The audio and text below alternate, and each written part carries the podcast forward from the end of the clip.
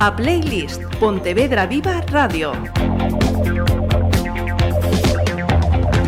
Tenéis mucho sueño. Buscáis la fama, pero la fama cuesta. Pues aquí es donde vais a empezar a pagar. Con sudor. Quiero veros sudar. Y cuanto mejor lo hagáis, más os voy a pedir que trabajéis y sudéis.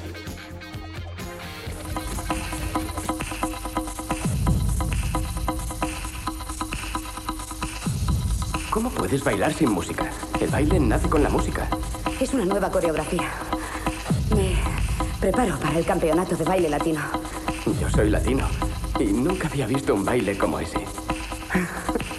Y eso no es todo.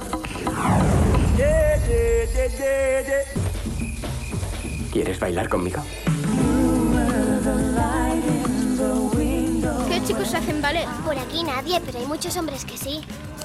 Maricas.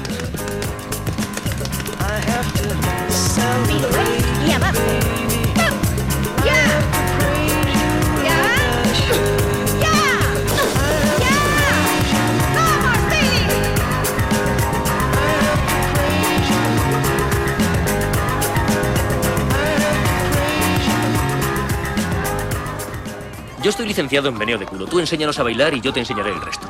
Esta vez hablo muy en serio. Necesito tu ayuda. Tengo una posición social. Sí, y una cuenta en números rojos. Era un boy, ¿vale? Gas, yo y nosotros pensamos que podríamos sacar algo de pasta quitándonos la ropa. Saludos, ¿qué tal? Estoy segura que vamos a tener una playlist muy movida. Movida para bien, que nadie me malinterprete.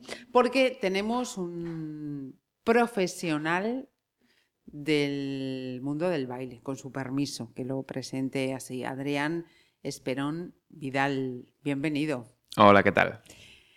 Adrián, ¿qué fecha de nacimiento pone en tu DNI? Pues si no miente, el 31 de agosto del 89. Es que yo estaba diciendo, no puede ser, este dato que yo había visto no, no puede ser, porque uno lo ve y dice, eh, es posible. ¿Qué tal? ¿Cómo fue lo de subir al tercer piso? Pues bien, bien, lo llevo bien. ¿Por qué lo dices? Porque nadie diría los años que tienes. Ah, bueno, gracias, gracias. No, la verdad que sí que me echan siempre un poquito menos, yo creo, de mis 30 ya. Sí, sí. ¿Te, te supuso darle muchas vueltas o dijiste, no, que aquí no pasa nada? Los 30, fenomenal, No. bienvenidos sean. Hombre, por supuesto. Ya, ya por otros 30 más que se dice, ¿no? Eso es. Mira, nacido en Pontevedra. Pues sí, aquí en Pontevedra. Eh, ¿Tus padres son de aquí? También. Mi madre es de Pontevedra y mi padre es de San Vicente de Cerponzón, de aquí al ladito. Pero también los dos de, de siempre aquí de Pontevedra. Ese acto de justicia que yo pido, ¿cómo se llaman? Pues mi padre, bueno, en Pontevedra lo conocen como José. si vamos a San Vicente lo conocerán como Juan, porque es Juan José él. Ajá. y mi madre la conocen aquí también por Carmela, María Ah. del Carmen. Ajá. ¿Hay hermanos, hermanas? Sí, un hermano mayor que se Mm. llama Marcos y él eh, ahora mismo vive en Barcelona por trabajo y bueno, el que me ha cuidado de, de pequeño. ¿Y Marcos eh, también se dedica a una disciplina artística o no? Bueno, artística, entre comillas. Él, de aquella, cuando estaba por aquí, por, por, por Teve- por Pontevedra, cuando era pequeño, patinaba y ahora aún sigue allí en Barcelona patinando y también colabora con una asociación que da clases eh, de patines gratuitas, eh, gratuito por Barcelona, toda la gente que quiera acercarse. Creo que son Ajá. los sábados y los lunes y por ahí va un poquito una disciplina también. Mira, ¿te ha costado mucho hacer esta playlist? De momento, ¿no?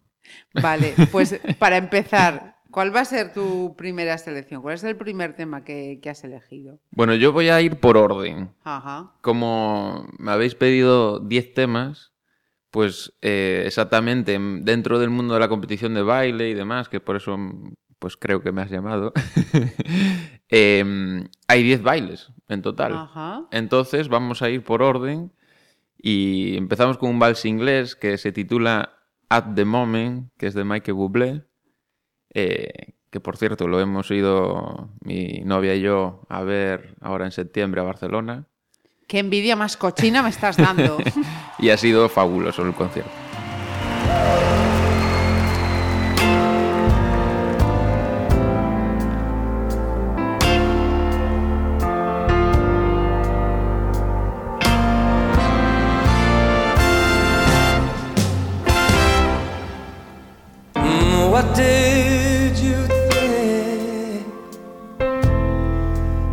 Do at this moment when you're standing before me with tears in your eyes, trying to tell me that you have found you another, and you just don't love me no more.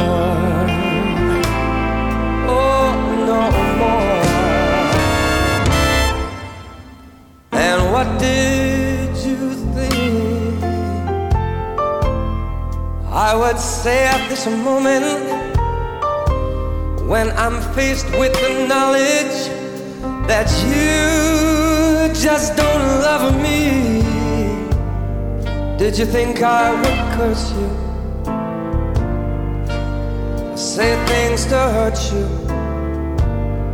and you just don't love me no more. Did you think I could hate you? No, or raise my hands to you? Come on, you know me too well.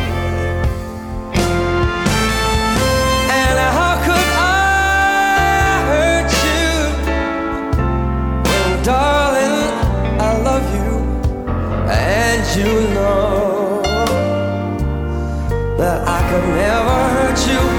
No, no, no. What did you think I would give up this moment if you just stay? I'd subtract 20 years from my life. Fall down on my knees. I'd the ground that you walk on. If I could just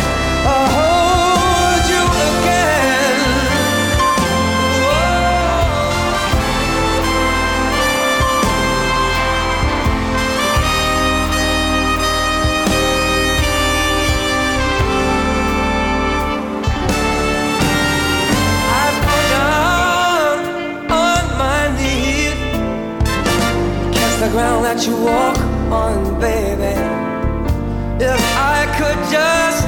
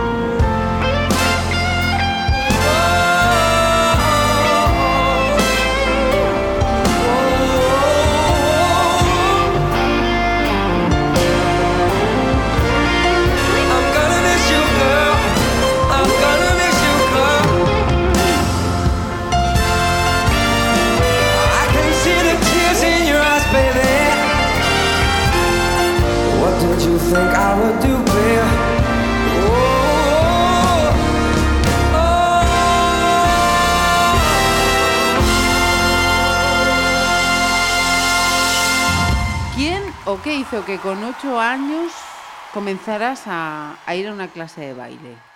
Pues han sido mis padres. Ellos empezaron en un curso de baile social, como se llama, o sea, un baile pues para pasarlo bien y, hacer una actividad aquí en Aladito, en el casino mercantil, eh, porque ellos eran socios. Y yo iba con ellos de pequeño, eso, tenía esos ocho años, nueve años. Eh, antes decía que mi hermano me había cuidado. Bueno, había días que no quería quedar conmigo cuidándome. Entonces tenía que ir yo con ellos, con mis padres a baile. Y ahí empezó todo. Ellos le preguntaron a la profe si podía yo también meterme dentro de las clases. Claro, era gente toda adulta, Pero la profe dijo, sin problema, que intente buscar una pareja y los ponemos aquí a un ladito y le voy enseñando yo aquí cuatro pasos. Y así fue. Con lo cual, eh, ¿te acuerdas de quién era esa primera profesora? Por tanto, sí, o sea, se llama María, era una chica de Bueu. Ahora le he perdido un poquito la pista. Espero a lo mejor que escuche esta playlist y que nos pongamos en contacto, porque la verdad que la, la recuerdo bien, ha sido la primera y gracias a ella, pues le, le- por así decirlo, le debo, le debo muchas cosas. Ajá. Y a tu hermano, no se te olvide, porque si tu hermano llega a decir, sí, sí, sí, yo me quedo con mi hermano pequeño, igual nunca había sido al baile. y tengo es. que reivindicar el papel de los hermanos mayores. hombre. Cierto es también, a mi hermano. Mira, eh, también pensaba cuando estaba preparando yo esta charla, eh, hay que tener un grado de mm, seguridad importante para mm, practicar a esa edad un deporte como era el baile, cuando la inmensa mayoría de tus amigos supongo que, que estaban a otras cosas. Sí, eh, de aquella también hacía yo balonmano. Y te lo digo porque, porque mi grupito de, sobre todo de niños, de chavales, de amigos, eh, ahí en el Álvaro Limeses, que es donde estudié, eh, pues íbamos a la actividad extraescolar de, de balonmano. Además, el padre de un amigo de la infancia era el entrenador y bueno, al final quedaba todo entre todos eh, y, y íbamos a la misma actividad. Después empecé con el tema del baile y como siempre digo, mis padres llegó el momento de, de mandarme decidir por una de las cosas, porque bueno, estudiante no era excelente. Yo aprobado todo, ¿eh? pero excelente no era, entonces me, han- me habían dicho eh, decir, oye, escoge una actividad porque tienes que también eh, volcarte más en el estudio y demás. Y ni me lo pensé, no lo pensé, dije, el baile. Y esto era chocante, sobre todo en esas edades. Eh, pues sí, eh, vamos a decirlo claro, pues en el colegio, pues algún chaval, ah, tú vas a baile, vas con las niñas, ta, ta, ta, ta, ta, ta.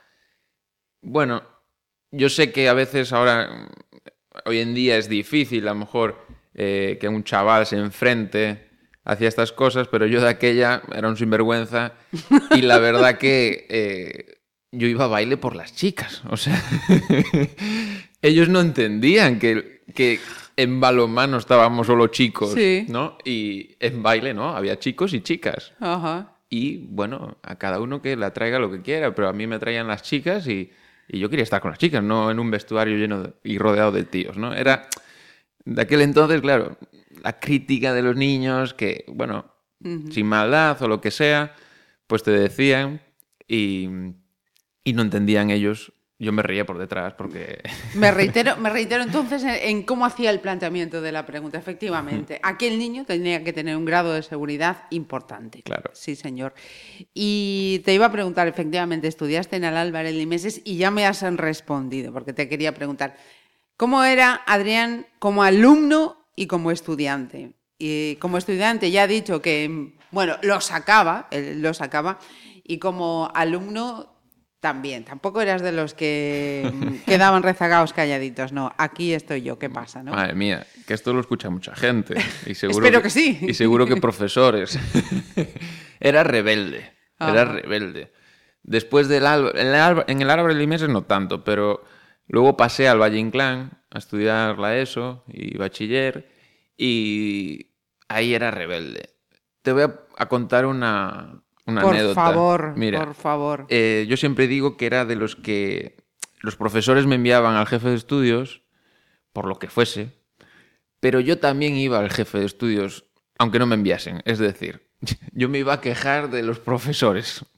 Pues Pepito hizo esto en clase y no me parece bien, o Pepito dijo esto de la juventud, que sobre todo a mí lo de pluralizar no me gustaba, dijo que no sé qué, y claro, jefe de estudios estaba cansado de verme, ¿no? Está- Adrián, pero tú otra vez aquí. Y fíjate tú, pasaron los años, bueno, eh, dejé, bueno, claro, acabé el instituto, demás, me volqué más en el baile, pasaron años y años, y un día en la academia recibo una llamada y me dicen, mira, queremos preparar el baile de nuestra boda y para unas clases particulares. Y yo, vale, sin problema, tal día quedamos en la escuela y nos vemos y demás. Bueno, yo estaba sentado en la recepción y cuando veo eh, por la cristalera llegar, era el jefe de estudios. Toma. era el que se casaba. Y bueno, ya echó las manos a la cabeza de una manera irónica ¿eh? y, y divertida, diciendo, le- diciéndole a la mujer, eh, cariño, vámonos de aquí. eh, Dios mío, Adrián, nos, nos ha tocado Adrián y demás. Y le dije, no, no, no, ahora me toca a mí. ahora me toca a mí ser el profesor. Pasa para acá. Y bueno, ese recuerdo de... Era un poquillo rebelde, reivindicando cosas y... Eso y me demás. gusta. Sí, señor. Venga, vamos a ponerle otro momento musical. ¿Con qué vamos ahora? Pues mira, hablando de esta rebeldía, pues eh, el segundo de los bailes eh, de baile salón, que son los clásicos, los estándar, es el tango. El Mm. tango es ahí un- una pasión, odio, podemos decirle. Eh, y Libertango es uno de los grandes de los tangos y, y vamos a escucharlo.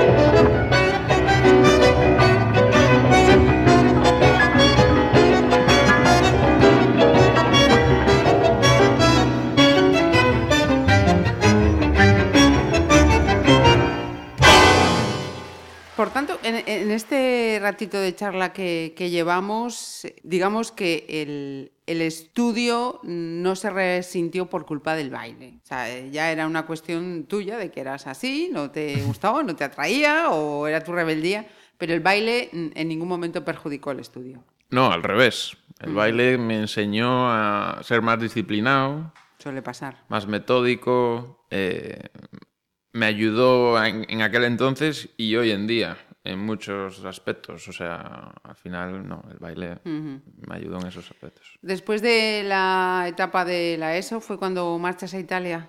Sí, quizás eh, al final de la ESO, con sí, 16, 17, 18 años, fue cuando más o menos tomé una decisión clara de continuar con lo del baile. Porque justo eso, a los 16 años gané el primer campeonato de España y, y ahí la bombilla se encendió y dijo, oye, pues puede ser un camino. Y después eh, hice una formación profesional, porque también mis padres dijeron de aquella, oye, por si acaso. Esta palabra, el por si acaso, hoy en día aún la sigo... No me gusta. Yo no me gusta ver el mundo así, hay que hacer las cosas por si acaso. No, bueno, hay que ir a una idea, si no funciona, pues se cambia. Pero el por si acaso, bueno, de aquel entonces le hice caso a mis padres y, y seguí estudiando un poco más. ¿Qué hiciste? Pero hice un, un taller de, ca- de carpintería, un ciclo de carpintería en, en- en, bueno, en la Junquera. Junquera. Mm. Ujú. Y pero veía que no, no era lo mío, porque por la mañana iba a estudiar, eh, hacíamos mucha actividad, mucha, eh, claro, clase práctica y vestirme allí con un mono y un cincel y demás, que es precioso, ¿eh? No digo que no, pero... Y después irme a la escuela por la tarde a bailar eso, un baile inglés, un tango, yo decía, aquí algo No cuadra. no cuadra, a mí no me cuadraba. que se podía llevar eh, perfectamente las dos cosas, pero bueno. Y fue cuando le dije a mis padres, nos sentamos y le dije yo, mira, yo voy a seguir esto bien, mi camino de baile, os prometo que voy a dar mi máximo, que no me voy a hacer, yo qué sé, que, que esto no es un hobby, si no quiero tomármelo profesionalmente Sí, sí. confiaron un poquillo en mí. Ahí fue cuando ya gané el segundo campeonato de España. Entonces, bueno, dijeron, vale, te vamos a dejar ahí un, un margen. Un margen. Y bueno, el margen salió bien. Eh, Entonces, eh, es una decisión plenamente eh, consciente y personal. Sí, eh, también acogida por mi entrenador y, por supuesto, con mi pareja eh, de aquel entonces, Patricia. Luego Eh, quería hablar de ella. hmm. Fue una cosa consensuada y fue cuando eso, empezamos a dar... Hablabas de Italia, pero primero eran los italianos los que venían aquí a Pontevedra a darnos esas clases magistrales, por así decirlo. Y luego fue cuando el- el- se fue cambiando la torna, es decir, ellos venían menos y nosotros íbamos un poco más allá y al final eh, fue el ir nosotros ya para allí, coger un apartamento, el vivir casi, bueno, más o menos 15 días al mes ya, y ¿Eso en qué año fue, allí. Adrián? Pues esto es todo muy diluido porque eso, a partir de los 18 fue cuando, bueno, no, 16, 18 años fue cuando ellos empezaron a venir aquí y después a, a lo largo de los años, es decir, la, to- la toma de decisión de irnos para allá, pues a lo mejor tendría 20, 21 Ujú. años. ¿Dónde era concretamente dónde ibas? Es un pueblo que se llama Molinella, que está a media horita de Bolonia. Mm. Nosotros volábamos o intentábamos volar siempre a Bolonia y después de ahí eh, tren a, a este pueblo. ¿Y cómo era un día ordinario allí en Molinela? Uf, eh, pues encerrado en cuatro paredes y, y entrenando. ¿no? Bueno, depende del día. Digamos que ese sitio eh, lo tiene muy bien enfocado, pero es, co- es como un tipo, un centro de alto rendimiento, porque Ajá. tienen una sala, un espacio específico para con un entrenador físico, otra sala que puedes entrenar tú cuando tú quieras, otra de ellas es para clases privadas y clases grupales, otra de ellas es para el estudio, porque bueno, tenemos que estudiar la técnica con los respectivos libros que hay de baile. También cuando hablo de esto es un poco gracioso, pero bueno, eh, nos venían profesores de distintas disciplinas. Por ejemplo, siempre pongo el ejemplo de, de que venían físicos, físicos cuánticos, o sea, de universidad, porque aplicábamos la física en el baile para, pues imagínate, para girar. Oye, ¿cómo, joder, ¿cómo giras? Pues sí, pues para girar necesitamos utilizar unas fuerzas, centrífugas, centrípetas y demás con la pareja. Entonces lo estudiábamos y lo volcábamos en, en el baile. Toma, nunca pensé que esto iba a salir en una charla como esta.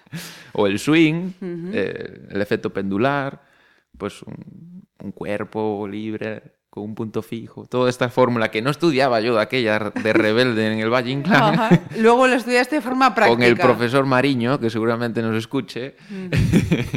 Luego lo estudié con la forma práctica. Ajá. Mira, tú estoy apuesto seguro que si en los centros de educación hacen la propuesta de enseñar todas estas teorías con el baile, seguramente que tendría muchos más adeptos. Con, seguro. Con el baile o con cualquier otra cosa. O sea, yo creo que tienen que aplicarse en hacer cosas prácticas en- cuando se estudian las cosas. No solo un libro y que te diga ahí Memorión. cuatro historias. Claro. Habrá asignaturas que sea así, pero Hay otras que permiten hacerlo de otra manera, más creativa. Sí. Venga, ponemos música. Bueno, el siguiente de los bailes es el vals vienés. Y el vals vienés es el baile de las bodas, para Sí. que nos entendamos todos. Porque después, eso, em- hemos empezado con el vals inglés, que es el lento, es, digamos, el de los rey, el, el baile rey. Pero el vienés es el de las bodas. Y como no, Danubio Azul, así conocemos todos la, la canción. Y el que nos escuche que la pueda bailar.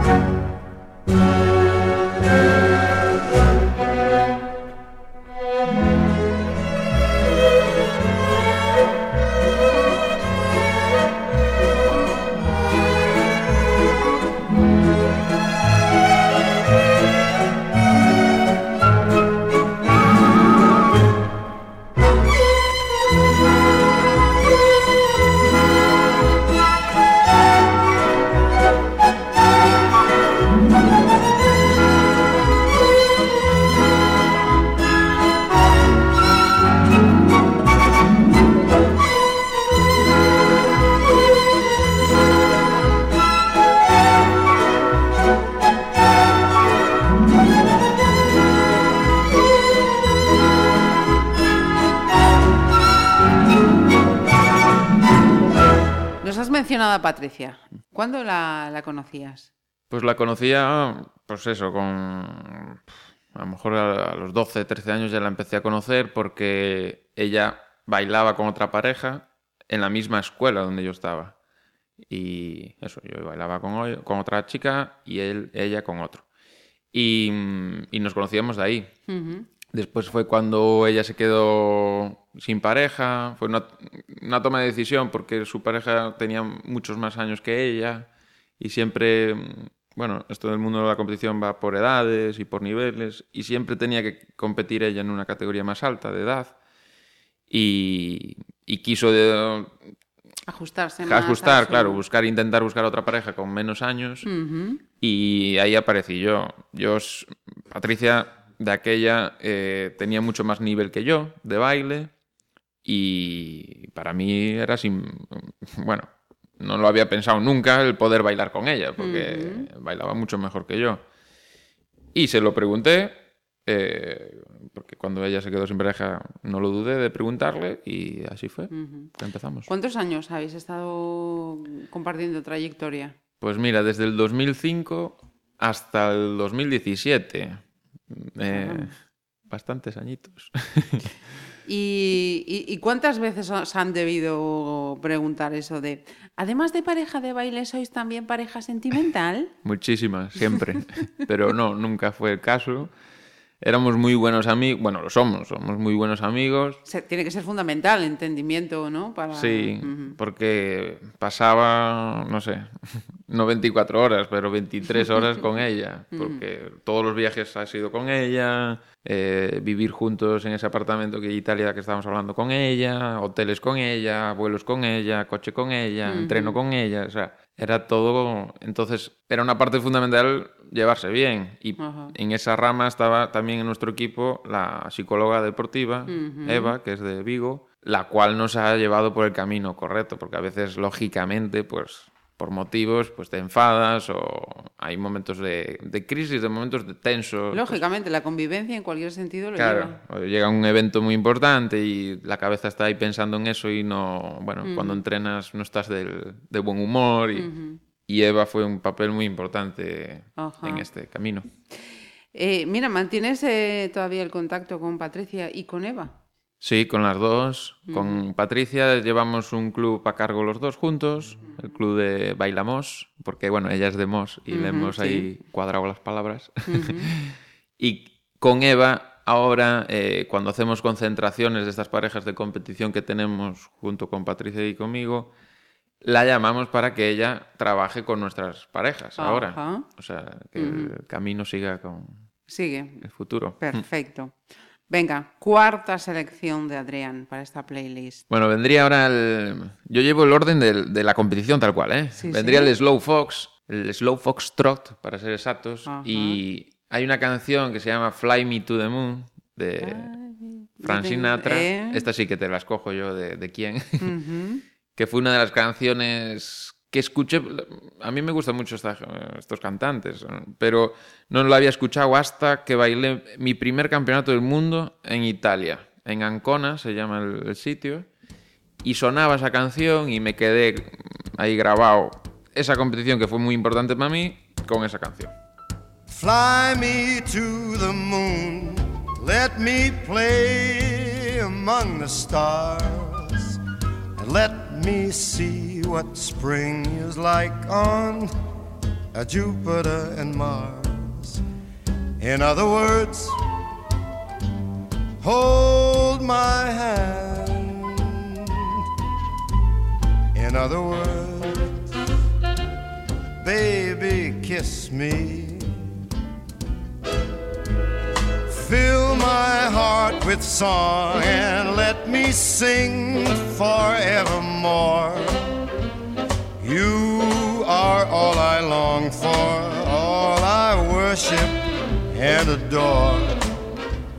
In other words, please be true. In other words, I love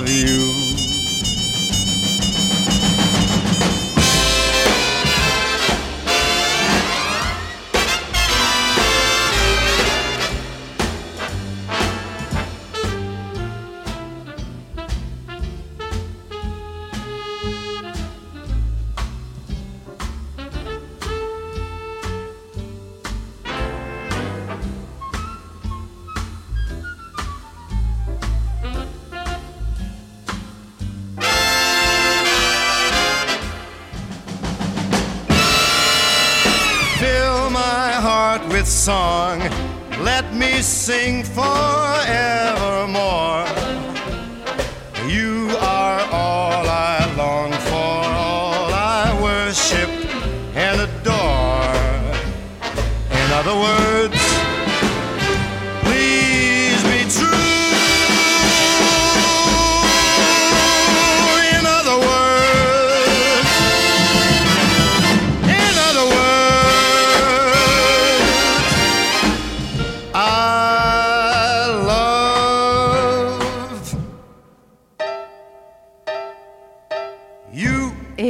Ya que hablaba de parejas sentimentales, ¿a qué edad eh, tuviste lo que se podría considerar primera pareja? Pues a los 16. Ujú. ¿Puede ir un 15, poquito 16. más lejos de aquí de Pontevedra o te la buscaste de fuera? Eh, s- Bueno, la primera chica era de Vigo. Mi primera, sí, mi primer ligue. Eh, bueno, antes también hubo muchos, ¿eh? Hombre, el chico había elegido el baile con ocho años porque había niñas, imagínate. Antes hubo muchas chicas. Hubo una, un amor de este de verano, eh, con menos años, ya no me acuerdo cuántos años teníamos, que era la prima, mira tú, la prima de uno de los amigos que hablaba antes de balonmano, este, Ajá. eh, que estaba en Estados Unidos, vivía en Estados Unidos, que el padre, si no me equivoco, era de allí, y venía siempre, solo a verano aquí Verano. a Pontevedra. Pero al final, nada, tres días que nos veíamos, pero éramos, ¿sabes? Eh, novios y nos, nos enviábamos cartas y todo, ¿eh? Estados Unidos. de aquella, de aquella se escribían se cartas. escribía ¿no? cartas. Y- Pero bueno, eh, después sí, em, digamos un poquito más serio y demás, pues a los 16. eh, Ajá. Mira, ¿y esto de ser eh, bailarina atrae mucho la atención de las chicas? mm, es otro tema que hemos hablado con mucha gente muchas veces. Yo personalmente no lo he notado. O sea, sí que a lo mejor, pues cuando vas a bailar por ahí o lo que sea, alguna chica pues dice, ostras, eh, qué bien, que bailo con él muy bien y demás. Pero también he de decir que muchas me han rechazado. Porque decían, tú bailas demasiado bien. Y contigo no. Se pensaban lo mejor, yo qué sé, que esos movimientos los quería hacer por otro historia. ¿no? Yo no, es una cosa que es así el baile. Eh, bueno, digamos que sí, que la rama del baile, que como, como hablábamos, que te mete en un mundo que hay muchas chicas y demás, pues en alguna competición famoseta a nivel de España que teníamos, por ejemplo, en Salou, Playa de Aro, cuando íbamos todos allí a bailar. Luego las fiestas que se hacen al final de la, de la competición, en alguna discoteca y demás, claro, eh, ese mundo rodeado de, de muchos chicos y chicas, todos del mismo gremio, pues eh, daba pie a conocer a A muchas esas, chicas. Mira, y, y la misma pregunta pero extrapolada. ¿Y los chicos? ¿Atrae también a muchos chicos? Sí, o sea, esto da igual ahora. En realidad, yo ya te digo, yo me enfocaba más a las chicas, pero sí que tengo amigos eh, metidos en el baile que eh, le gustan los chicos y también ahí hay carta abierta. Ajá. Eh, actualmente tienes pareja, porque me lo has dicho al principio de esta charla. Sí, ¿Cómo se llama? se llama Noé. Noé, de Noelia, de Noemí, de Noemí. que está muy calladita. No se le ha oído a ninguna de las dos. Ya que le- los que nos están escuchando no lo pueden ver, explícanos quiénes están aquí. Pues a nuestro, a nuestro ladito, tan sin micro, por eso no pueden hablar, pero está Noemi y Nala. Nala es nuestra perrita, que la hemos adoptado en, en agosto, en verano, porque la hemos encontrado un poquito, bueno, un poquito no, abandonada en la carretera y no tenía chip y, de- y demás, y la hemos adoptado. Están aquí las dos conmigo. Ujú. ¿Cómo conoces a Noemí? Ahora que no nos escucha. Pues mira, eh, le daba clases. ¡Toma! Era una alumna, fue una alumna en su día. ella empezó en una escuela de Mosteiro, de Meis. em, y yo iba como profesor, por así decirlo, de refuerzo a esa escuela. Y allí la conocí. Y bueno, aquella, ella era menor de edad. y me había fijado y punto. Ajá. Luego pasaron los años y, y pasaron mil historias y sí que Noemi fue una persona muy importante, pues después de un proceso mío ahí, pues de dejar la competición, de otra expareja, bueno, de ahí un, de un nublado vino el sol, que fue Noemi, y, y ahora juntos compartimos muchas cosas. Ajá.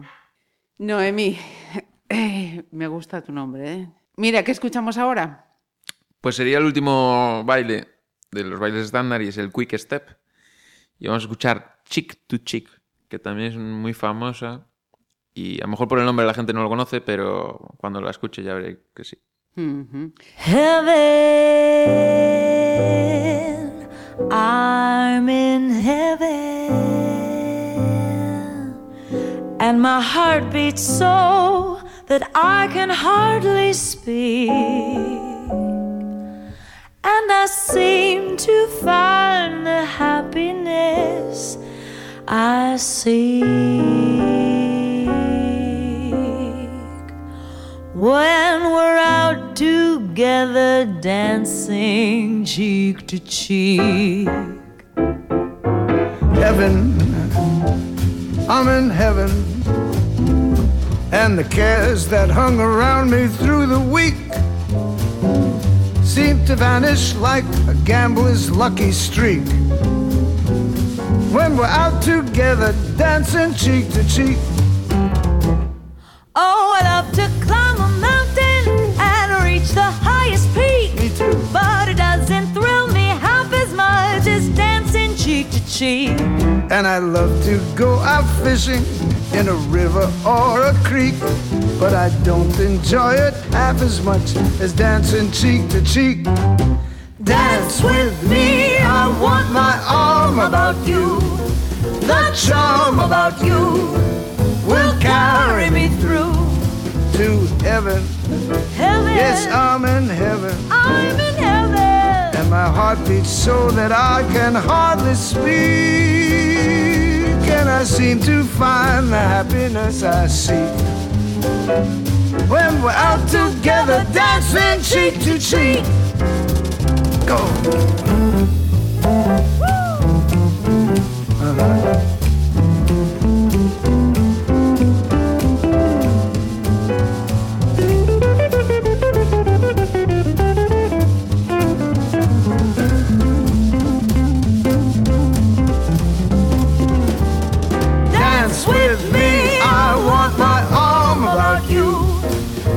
Charm about you will carry me through.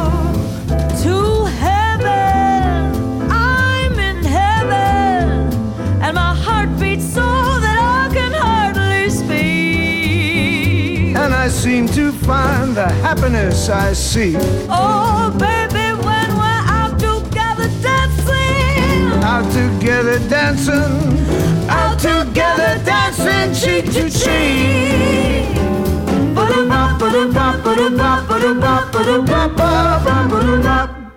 ¿Qué es más fácil de gestionar, Adrián?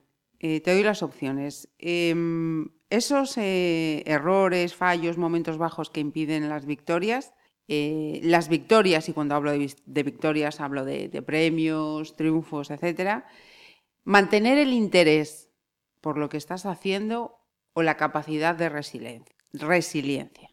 Yo creo que el, mantener, mantener esa constancia y esa ilusión eh, y ese nivel, digamos, dentro también de la competición y demás, para mí es lo, más difícil. Eh, sobre todo a las parejas que ahora le doy clases y demás, digo, llegar no penséis que es tan difícil. O sea, se puede llegar con disciplina, tiempo, dedicación y demás. Eh, luego el problema es mantenerse, porque bueno, hay gente por detrás que también quiere ese primer Mm. puesto y te ponen las cosas difíciles y, y el mantenerse. Porque una vez logrado, eh, mentalmente dices, bueno, ¿y ahora qué? ¿Y ahora qué hago más? O sea, y, eh, y es, es, es el momento difícil. Hay que buscar, hay que seguir siempre buscando objetivos. Corto- alicientes. Sí, a corto, medio y largo plazo. Siempre buscando nuevos retos, mejoras de X aspectos.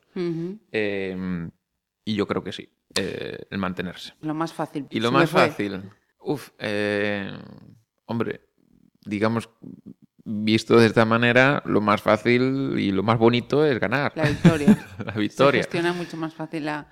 Pero eh, entiendo que también tiene sus riesgos, ¿eh? Igual uno se sube al pedestal y pierde el norte. Ah, sí, muchísimos, muchísima gente, seguro. Pero bueno, En tu caso, En para ti lo más fácil de gestionar es eso.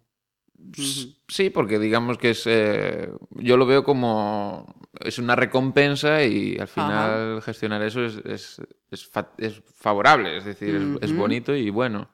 Sí que es lo que dices tú, que hay gente que se va por las ramas y se cree el rey del mundo, pero no, aquí nadie. Yo siempre digo, siempre va a haber gente por encima y por debajo tuya en la Mm. vida. O sea, no. Mira, y de esas 14 veces eh, que has sido campeón de España, antes me citabas el caso de, de Ancona, pero no sé si es esa. De las 14 veces que has sido campeón de España, ¿de cuál tienes el recuerdo más grato? Más grato. Eh, Sí que a lo mejor las primeras eh, veces, el primer campeonato de España, por ejemplo, y, y el primer europeo y primer mundial después que vas, gracias al campeonato de España, pues son unos bonitos recuerdos. Sobre todo el primer campeonato de España, porque bueno, el mundo del baile de la competición, baile de salón, nació todo en Cataluña y digamos que es... eh, mira tú, hablando de Cataluña, sale en todos lados. Eh, digamos que esta gente pues iba un poquito por delante Ajá. del resto de España. Normal, porque si ellos empezaron antes, ellos fueron los primeros que traían a gente de Inglaterra a que formase en el mundo del baile de salón y demás. Fueron las primeras competiciones allí, bueno, iban adelantados. Y entonces eh, costaba eh, batir, por ejemplo, en eso, en los campeonatos de España, a gente catalana, porque bailaba mejor. Y digamos que ese momento de fue una ruptura de que un gallego coja y viene y gane a un Y catalán. esa brecha. Sí, eh, no solo fue por el título y por lo que mm, eso conlleva ganar ese premio, sino romper ese Esa dinámica. eso es, esa Mm. dinámica. Fue un momento de decir, ostras, aquí puede ser algo nuevo y, y que todo lo miren. Llegan los gallegos. Sí, sí, tal cual. Y digamos que esos momentos fueron bonitos. Después sí que tengo uno, un recuerdo reciente, Ajá. justo fue en el año que paré de competir, en el 2017, que fuimos a, a Polonia a hacer los Goal Games. Los Goal Games son todos aquellos deportes, es decir, son unas Olimpiadas, pero de todos aquellos deportes que aún no están dentro de las Olimpiadas. Lo mismo, la ciudad se convierte solo, se vuelca solo para eso, eh, y el evento es fenomenal y gigante, y digamos que es eh, la cima de las cimas, o sea, Ujú. por debajo ya vendrían los campeonatos del mundo, europeos y demás, digamos que el- los World Games, y poder ir participar, porque se celebran igualmente, igual que, los, que las Olimpiadas, cuatro, cada cuatro Cada años, cuatro. Ujú. fue un, un reto y, y bonito y grato. Mira, eh, te iba a preguntar eh, por el, menos grato, pero te voy, a cambiar la pregunta. Ya que estamos hablando, a fin de cuentas, de, una práctica deportiva, a ti eh, las lesiones eh, te han tratado bien. A mí personalmente sí. Solo tuve así una un poquito más heavy, que fue en un, un entreno intensivo, que me quité, bueno, la tibia y el peroné del sitio, la cabeza de, de la tibia y el peroné de- del sitio, un esguince también y demás. Fue la que más me, bueno, me resentí. A Patri, por ejemplo, sí que le ha dado más, Más rompedura de cabeza y pues con alguna hernia, sí, con una hernia eh, y demás. ¿Me colocarías bien en un mapa todos los países eh, que has eh, tenido ocasión de recorrer? con paciencia y tiempo, sí. vale, no he puesto ni tiempo ni límite, Sí, pero, pero mira, me los ubicas. Tenía una aplicación de estas de móvil en la cual puedes ir marcando los países que ya vas. De Europa tenía el, creo que el 60% de recorrido. A nivel mundial no tanto, pero eh, Europa casi toda. Y sí, con paciencia sí que podemos ir marcándolo. Me reitero, me sigue dando mucha envidia. No, no. Vamos. Envidia no. Esto es sana, es siempre Ah, bueno. sana, por favor, que nada, no se me malinterprete. Venga, ponemos eh, sexta selección. Pues esta selección sería el primer tema de los bailes latinos, que es la samba. Y la Vale. samba, para que también todo el mundo lo conozca, Copacabana, creo que, que les va a gustar.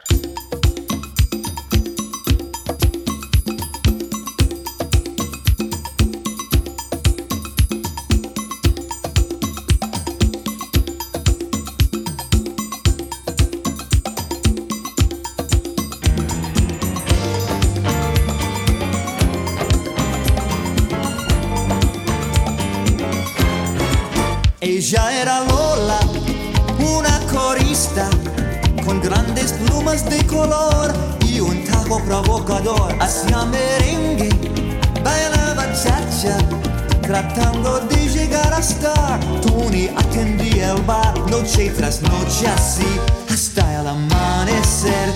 Juventud que les desbordaba y su gran querer en el Copa, Copacabana, famoso lugar de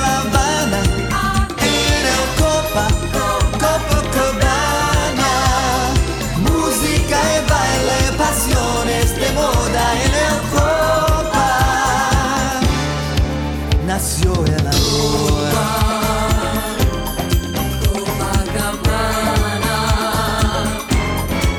Y surgió rico con su brillante y desde donde se sentó en su baile lo la vio impresionado, la quiso al lado y cuando él se propasó saltó Tony lo golpeó y la pelea empezó, la silla que voló, hubo sangre tan solo un tiro, quien lo disparó en el Copa, Copacabana famoso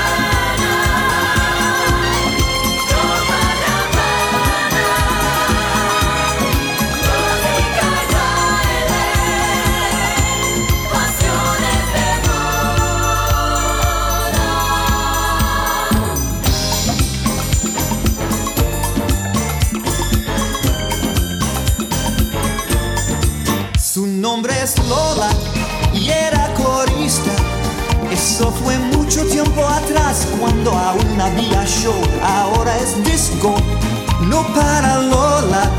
Luciendo una y otra vez, todo bajado en su vejez, sentada siempre al bar, su pena quiere ahogar. Perdió su tono y perdió su vida, ni puede razonar en el Copa, Copacabana famoso lugar de La Habana, en el Copa, Copacabana.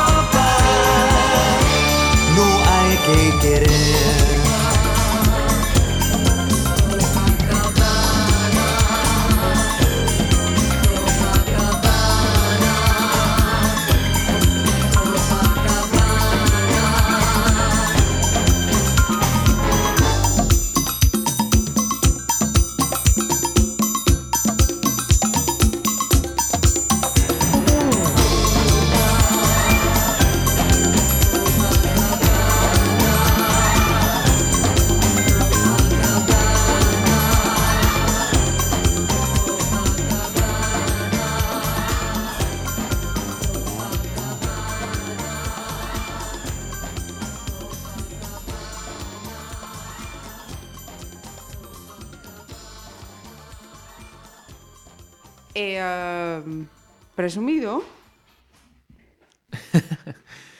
El baile te lleva a hacerse a, a ser un poquito presumido a veces. Ahora ya no tanto, ahora soy un poquito más dejado, pero antes, mira, antes de cada competición y hacía unas cuantas al mes, eh, siempre iba al peluquero. Ujú. Cuestión por ir peinado bien, perfecto y para que no se me viesen, por ejemplo, greñas y da igual.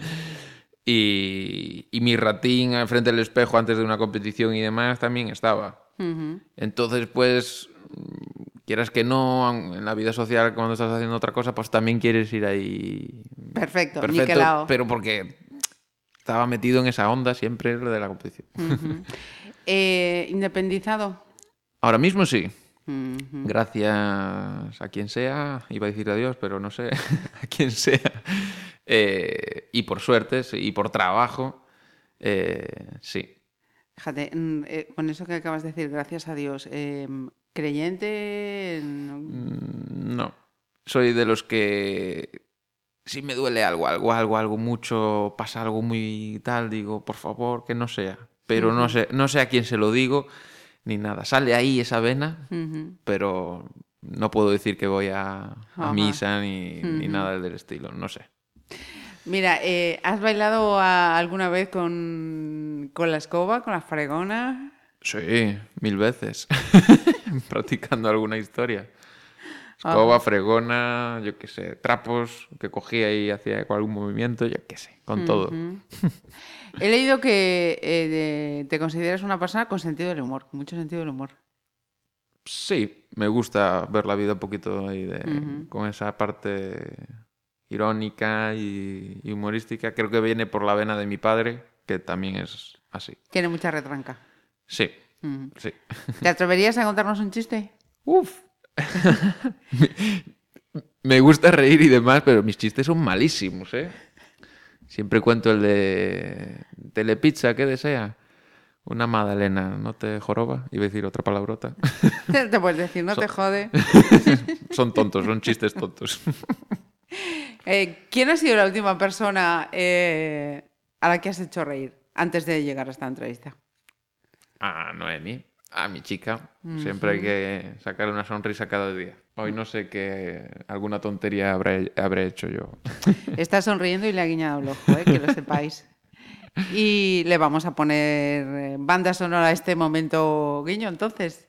Venga, va. Eh, vamos con el cha-cha-cha y vamos a escuchar a Maná. Ahora sí que te puedo decir Ajá, artista. el y- artista exacto. eh, Corazón Espinado.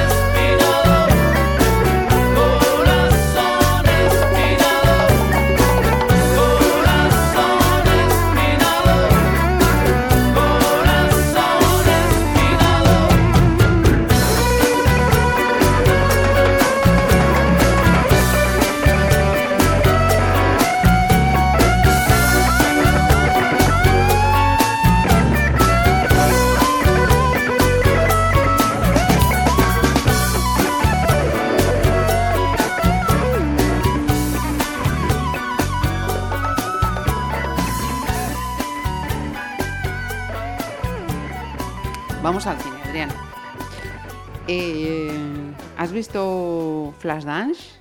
Sí, Dirty Dancing? sí, Footloose? sí, The Full Monty? sí, ¿Baila conmigo? sí. ¿El amor está en el aire? Mm, creo que no. ¿Billy Elliot? Sí, ¿Cisne Negro? sí, ¿La La Land? sí.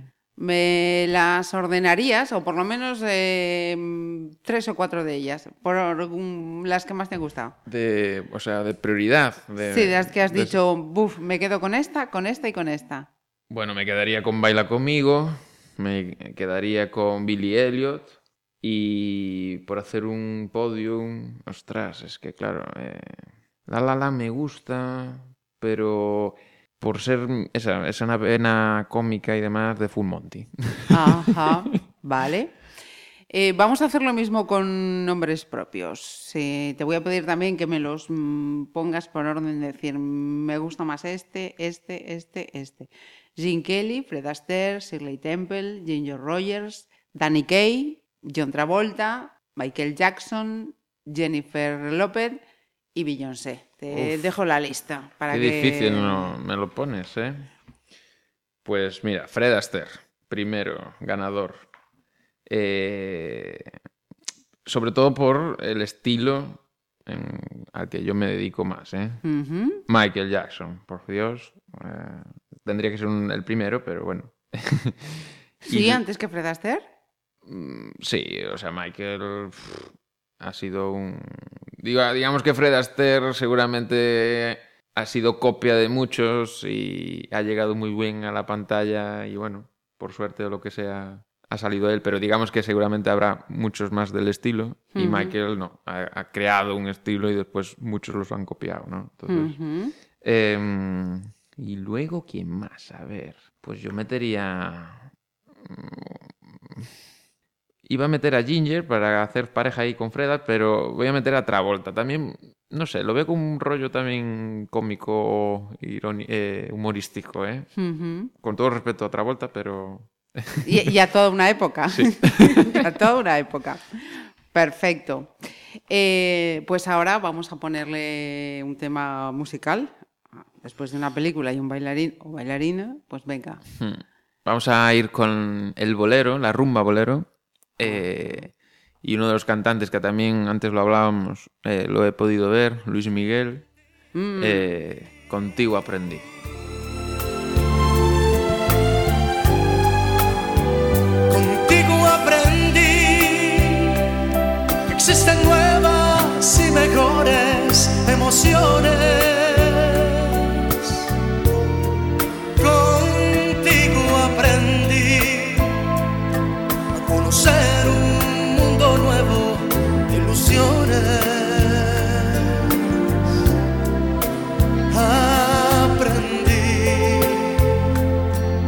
Que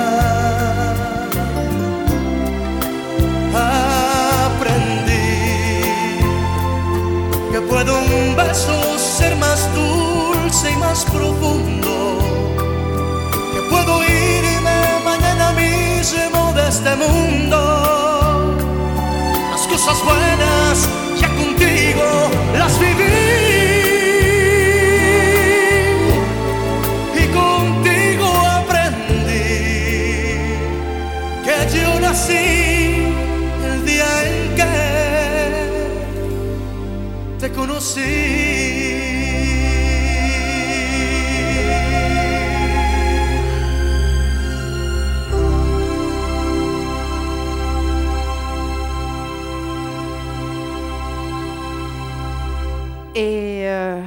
Cuéntame por qué eh, decides, llegado el 2017, dejar la, la competición y dar ese, ese giro a tu vida. Pues mira, aún ayer lo hablaba con, con un alumno que viene a la escuela eh, y digamos que es irónico, o, llámalo como quieras, que la gente a veces busca salir de la monotonía. Y yo buscaba la monotonía, o sea, porque antes era un caos eh, al competir. Por una media hacíamos casi 100, 90, 100 vuelos al año. Eso supone, para que eche cálculos, casi todos los fines de semana estar fuera y más. Y un día despertaba, no sé, en Bolonia y me acostaba en Rusia y al día siguiente iba a Alemania y luego estaba en Pontevedra para hacer clases y trabajar y demás y después de dos días o tres me iba, no sé, digamos un viaje largo a China y luego volvía para Bolonia y así durante muchos años, ¿no? Ujú. Y llega un momento que, que eso, que no tenía esa no- monotonía, no, no tenía tiempo, digamos, para mí, para o, o saber en la agenda, ostras, pues este día puedo ir a, a este sitio, tal. Era todo una incógnita y, y un caos. Sí que estaba todo planificado, pero eh, muchas ocasiones también nuestros entrenadores, allí después en Italia, que se llaman Paulo y Silvia, que no los hemos nombrado antes, pues era mucho de levantar el teléfono y decirte, para la semana hay que estar en tal sitio porque hay este evento y demás, y tenéis que venir, sí o sí. y tal. Y bueno, ha sido un poco por eso, por el caos, por el cansancio de andar para adelante y para atrás, y, y- y eso. ¿Sientes que has tenido que renunciar a muchas cosas o no? ¿O eso no. A no muchísimas, a muchísimas. Y después de pasar este periodo, eh, digamos que cuando dejé de competir sí que vi un abismo, porque después de hacer lo mismo durante tantos años y tomar la decisión de parar eso, no sabes lo que va a suceder. O sea, en tu cabeza lo planteas, pues dices, quiero dar clases, quiero hacer esto, quiero hacer lo otro, pero eh, digamos que tu cuerpo sigue en ese mecanismo y, y me encontraba en un abismo. Y después de una reflexión, después de asentarme, de, decir, pues no, me- ahora estoy bien, he, he logrado lo que quería en realidad mi mente hacer, que era eso, tener un orden y demás, también he reflexionado el, todo lo que he perdido en momentos por estar también en esa rutina. Es decir, si volviese atrás, volvería a hacer todo lo que hice, pero eh, seguramente no cancelaría o, o, o sí que asistiría a eventos que me he perdido. Ajá. Pues, no sé, bodas o cumpleaños específicos o momentos que a lo mejor dentro de mi familia pues alguien estaba mal, enfermo y yo porque tenía que estar fuera no estaba aquí con ellos o lo que fuese, eso sí que no lo por no lo lo que perdonarías ahora. no, no lo perdonaría y estaría aquí. Digamos que fue después de una reflexión y, y bueno, de ver desde otro punto de vista la vida, por así decirlo, pero volvería a hacer todo lo que hice, menos eso. De nuevo, entonces, eh, me vuelvo a encontrar con una decisión absolutamente eh, personal y meditada. Sí, siempre eh, ha salido de mí, eso, de mis entrenadores, pero tu vida al final no, la- no deja de ser tuya y la todo lo que he gestionado ha sido personal, sí. ¿Ha sido solamente el baile o, ha habido una serie de nombres concretos que te han ayudado o conducido a, a- esa madurez que noto yo desde desde el principio a la hora de tomar decisiones importantes? Mm. No sé. Ha sido, bueno, lógicamente mis padres, los primeros, los que me han inculcado durante toda la vida valores y, y me han enseñado lo que conlleva la vida y creo que por eso también la madurez. Y mm, después yo creo que es un, bueno, pues la vida, un periodo de, de aprendizaje, que vas cometiendo errores y te vas dando cuenta de, de cosas que no debes de hacer de esa Ujú. manera. Hombre, esa, lo que dices tú de madurez creo que no es un sinfín. O sea, siempre seguiré madurando y siempre seguiré evolucionando. Sí, sí, no, y hay Em, gente que con 60 sigue teniendo decisiones de un niño de 15. Bueno, que también está bien, ¿eh? Que también tienen que hacerlo así, pero... eh, no sé. Creo que la vida también... Eso, también andar tú solo para que se plantee alguien en un pueblo de Ucrania perdido, ¿sabes? Eh, y allí, que te dejen allí, en ese pueblo, y ala, tienes que llegar al hotel, eso, claro, tienes que buscarte un bus.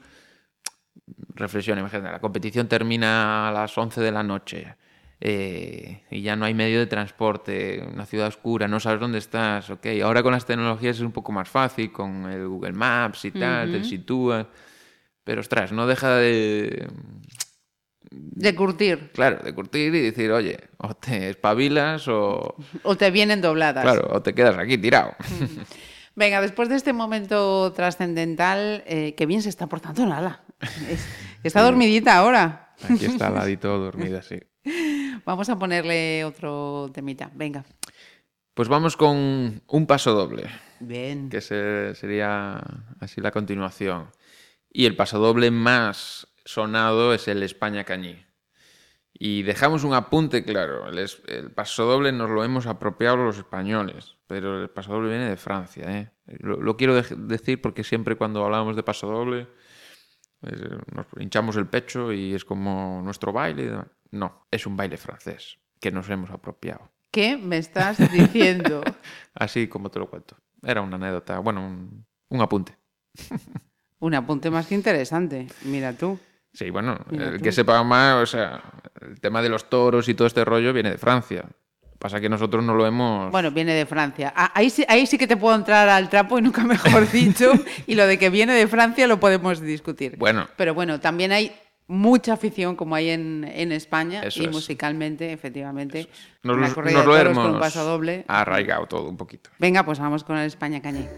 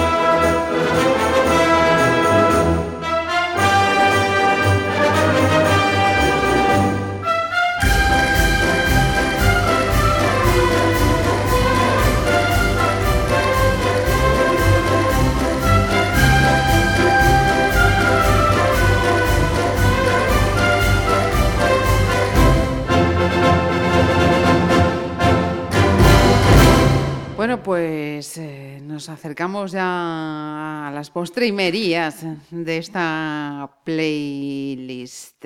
Eh, eres titulado también por la Federación Española como profesor y, y juez. ¿Cómo te definirías como profesor? Me gustaría también hacerle esta pregunta a los alumnos. No sé, no sé si decirle a Noé, acércate, ¿cómo era como profe? Pero tú, ¿cómo te definirías como, como profesor? Como profesor, eh, creo que. mm, Bueno, dentro del baile, eso, hay como dos caminos. Hay el de la competición y el social, que hablábamos al principio. El que ha empezado mis padres en aquel entonces para pasarlo bien y demás. Eh, entonces hay dos profesores, hay dos Adrianes. Un profesor más estricto y más disciplinado y que quiere ver todo a la perfección. Y el otro más divertido, más social y más eh, entretenido, sí, para entretener a la gente en esas clases. Eh, ambas cosas hoy. Depende cómo Bien, doctor Jekyll y Mr. lo Hyde. Mira, ¿has tenido ocasión, ocasión ya de ejercer como juez? Sí. ¿Qué tal? Eh, ¿Y como juez cómo es, Adrián?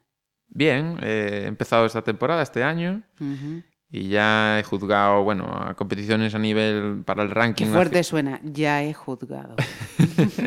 Sí, al final no se deja de ser. Que un juicio, en este caso, es una comparativa de las parejas, a ver quién lo hace un poco mejor, ¿vale? Eh, y he juzgado eso, competiciones para el ranking nacional y también ya he podido juzgar un campeonato de España. O sea, ya Mm. me he saltado ahí a ese gran evento. Y como juez sí que señalo de que, mm, eh, bueno, ha habido jueces en su día durante mi carrera deportiva pues que no se han portado bien en el sentido pues es que hasta este hasta este mundo hay corrupción y, y politiqueo vale pues voto a este porque es de esta escuela y tal y cual y me favorecen esto y lo otro bueno y, y lo he sufrido no y para nada quiero esto en, en- en el tema de la competición y mis parejas lo saben súper claro. O sea, yo si os juzgo en su día o lo que sea, voy a ser lo más, intentaré lo ser lo más justo Ujú. y no esperéis de mí que favorezca a nadie ni nada porque eh, al sufrirlo yo no quiero eh, hacerlo A los demás. A los demás. O sea, Ujú. en esa lucha estoy. Eh, nos acaba de autodefinirse como profesor, como juez y como empresario. Eso a mi gestor. Tienes que ir a junto de él y decir, pues, ¿es un desastre o no? Bueno, llevamos poquito. Bueno, digamos que con un centro abierto y un local visible, llevamos poquito desde, desde octubre. Eh, como empresa en sí, digamos, porque me he gestionado toda la vida, lo que hablábamos antes de los vuelos, viajes y demás, eh, y aquí hago un, un- Yo es que siempre soy así, ¿ves? Reivindicativo. Sí. Me Aquí parece muy bien. El señor Lores poco me apoyó en su día, pero me ha ayudado, pero bueno, podía ayudar mucho más. Ajá. No, quiero decir que por la parte económica, las ayudas son, Ajá. digamos, nada, Mínimas. Eh, pues todo el resto ha su- supuesto un desembolso propio. Ajá. Con lo que conlleva a ir trabajando eh, bien, ir ahorrando bien y demás. ¿Qué quiero decir con esto? Que durante todos estos años pues he, he podido estudiar un poco la trayectoria eh, eso, del, del trabajo, de, de poder ahorrar en X aspectos y demás. Y ahora simplemente le hemos dado visibilidad en un, en un local Ujú. Y vamos por ese camino ahora de, de, bueno, a ver lo que pasa. Estamos muy contentos con este mes de octubre, la verdad que, que ha sido una acogida muy buena. Estamos en la calle Manuel Leiras Pulpeiro, número 7, al Se lo, vincu- lo vincularemos a la información. al ladito del Hotel Galicia Palace, en un Ujú. local a pie de calle y súper... La verdad que las instalaciones ha sido un, un regalo, por así decirlo, porque yo no conocía ese local y buscando sitios lo encontramos y, se acondiciona muy bien para nuestra actividad. Y, mm, y estamos muy contentos. Espero que sea así los meses que Venideros. siguen. Y un poquito más siempre viene bien también. Pero bueno, como octubre va bien, esperemos que así sea nuestra labor. Ya que estamos en el baile, ¿no? Pasito a pasito. Eso es, siempre. Mira, eh, Tiempo también eh, para ejercer de bailarín y coreógrafo de televisión. ¿Qué es esto? Sí, eh, bueno, el mundo de la tele, pues eh, he pisado más la, la televisión de Galicia. Eh, pues yo qué sé, algún programa que te invitan también a alguna entrevista y haces una exhibición y de ahí te lleva un contacto, pues que hacen un programa y necesitan algún bailarín de por medio Ajá. y una cosa lleva a la otra y, y ahí, digamos, ese, ese apunte de coreógrafo lo he podido convertir en esta última temporada con un programa que hicimos que se llamaba A Liga dos Cantantes Extraordinarios, que se emitió en verano, que eran eso, cantantes eh, de orquesta, famosos, a nivel de, de las orquestas gallegas, eh, y, y se debatían ahí a ver quién era el, el mejor cantante. Y el director ya había del programa, ya había hecho yo alguna colaboración con él en otras historias, me llamó para ser eso, eh, el coreógrafo de, de ese programa. Ujú. Y, y es un mundo, la verdad, que, que me gusta mm, meterme ahí poder ayudarles también con la escenografía y cómo ver el programa, ¿no? Se Cómo- puede explorar, Cómo vamos. enfocarlo. Sí, sí, me gusta bastante. Ajá. Mira, y última pregunta que tenía prevista. em, ¿qué, qué piden en, en cuanto a baile las parejas para el día de su boda? Uf, pues ahora mismo menos vals de todo. el vals, como hablábamos antes, era el baile común de, de las bodas. Digamos que, no sé, de 40 clases que he podido dar de novios, pues 38 han seleccionado otros temas. Sobre todo bachata, salsas, eh, algún flash move de estos, de que también venía toda la familia a preparar un, un baile especial y darles una sorpresa A los a invitados. invitados. De todo, de- me he encontrado de todo. Ujú. Mm. Alguna canción rockera que digo, "Mia- madre mía, cómo... Pero rockera de heavy, ¿eh? No, Sí, sí. No, no rock no clásico rock de- clásico, no, de heavy. Digo yo, madre mía, cómo lo enfocamos. De todo, de todo. Ajá. Como la vida misma. Mm. Mira, y vamos a terminar con... Pues fíjate, con un rock and roll que se llama el jive dentro de, de la disciplina de baile de salón. Y lo teníamos ahí escrito, se llamaba Candyman. Candyman, ¿no? De Cristina Aguilera. Aguilera, sí. Ajá, muy bien. Pues con subidón terminamos. Ya decía yo que esta playlist iba a ser, iba a ser movida. Adrián, muchísimas gracias por habernos dedicado este tiempo y mucha suerte en el ámbito personal y en todas esas facetas del ámbito profesional. Muchísimas gra- gracias a vosotros.